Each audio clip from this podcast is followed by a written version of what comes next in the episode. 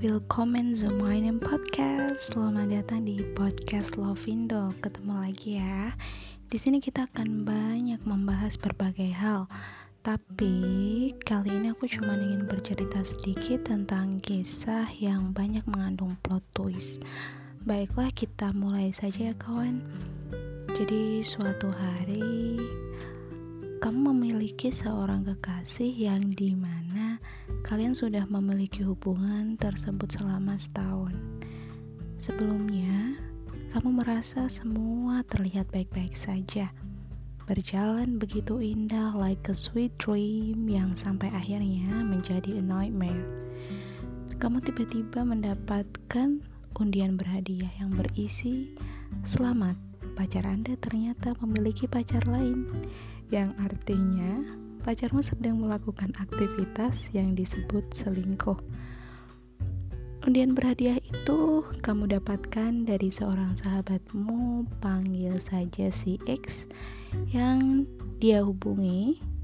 Dia dihubungi secara random oleh si Y. Nah, si Y ini adalah pacar dari pacarnya kamu Si Y ini yang alih-alih bertanya mengenai pacarmu, yang ternyata juga pacarnya, membuat kamu shock dan akhirnya kamu memilih untuk mengalah.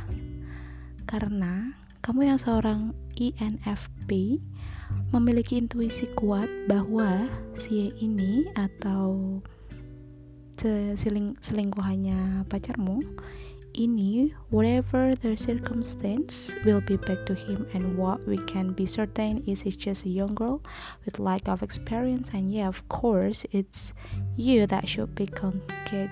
David. David, not because you are not strong enough, but because you are too strong to fall, too beautiful to get down, too precious to getting hurt, and there is no way she can reach your position and you feel bad about her and feel pity. So, you decide to leave. Dan setelah kamu pergi, ternyata, oh ternyata dia si Y yang mengenal si X. Ada juga saling dekat yang hampir setiap hari chat atau telepon hingga sahabatmu si X. Yang dulu dekat dengan dirimu sekarang sangat dekat dengan dirinya dan diambil alihlah semua yang kamu miliki. Dan lagi, karena hati bidadari yang gak bisa menyakiti, kamu masih diam dan tak ingin menimbulkan konflik apa pun. Tapi, ternyata cerita belum terakhir berakhir guys. Pacar dan sahabat gak cukup buat dia. Kamu yang memiliki karya pun gak luput dari stalkingnya dan mau gak mau kamu harus jadi korban lagi. Gaya penulisan, karyamu juga ingin dia ikuti. Dari bunch of style yang ada di tempat website free blogging dia meniru stylemu dan ada beberapa tulisanmu di sana. Ya udah nggak apa-apa kok. Aku kira ini merupakan hadiah dari Allah yang nanti akan digantikan dengan hal yang lebih baik. Toh nyatanya sekarang Allah berikan kamu banyak kesibukan dan Allah siapkan dirimu menjadi orang yang lebih baik dari sisi-sisi yang perlu kamu perbaiki. Percayalah, sesuatu yang diambil oleh orang lain dan kamu ikhlas akan Allah gantikan berlipat-lipat ganda. Jadi bersabarlah dan jadikan dirimu invulnerable. You're ready to be princess. You're ready to rock.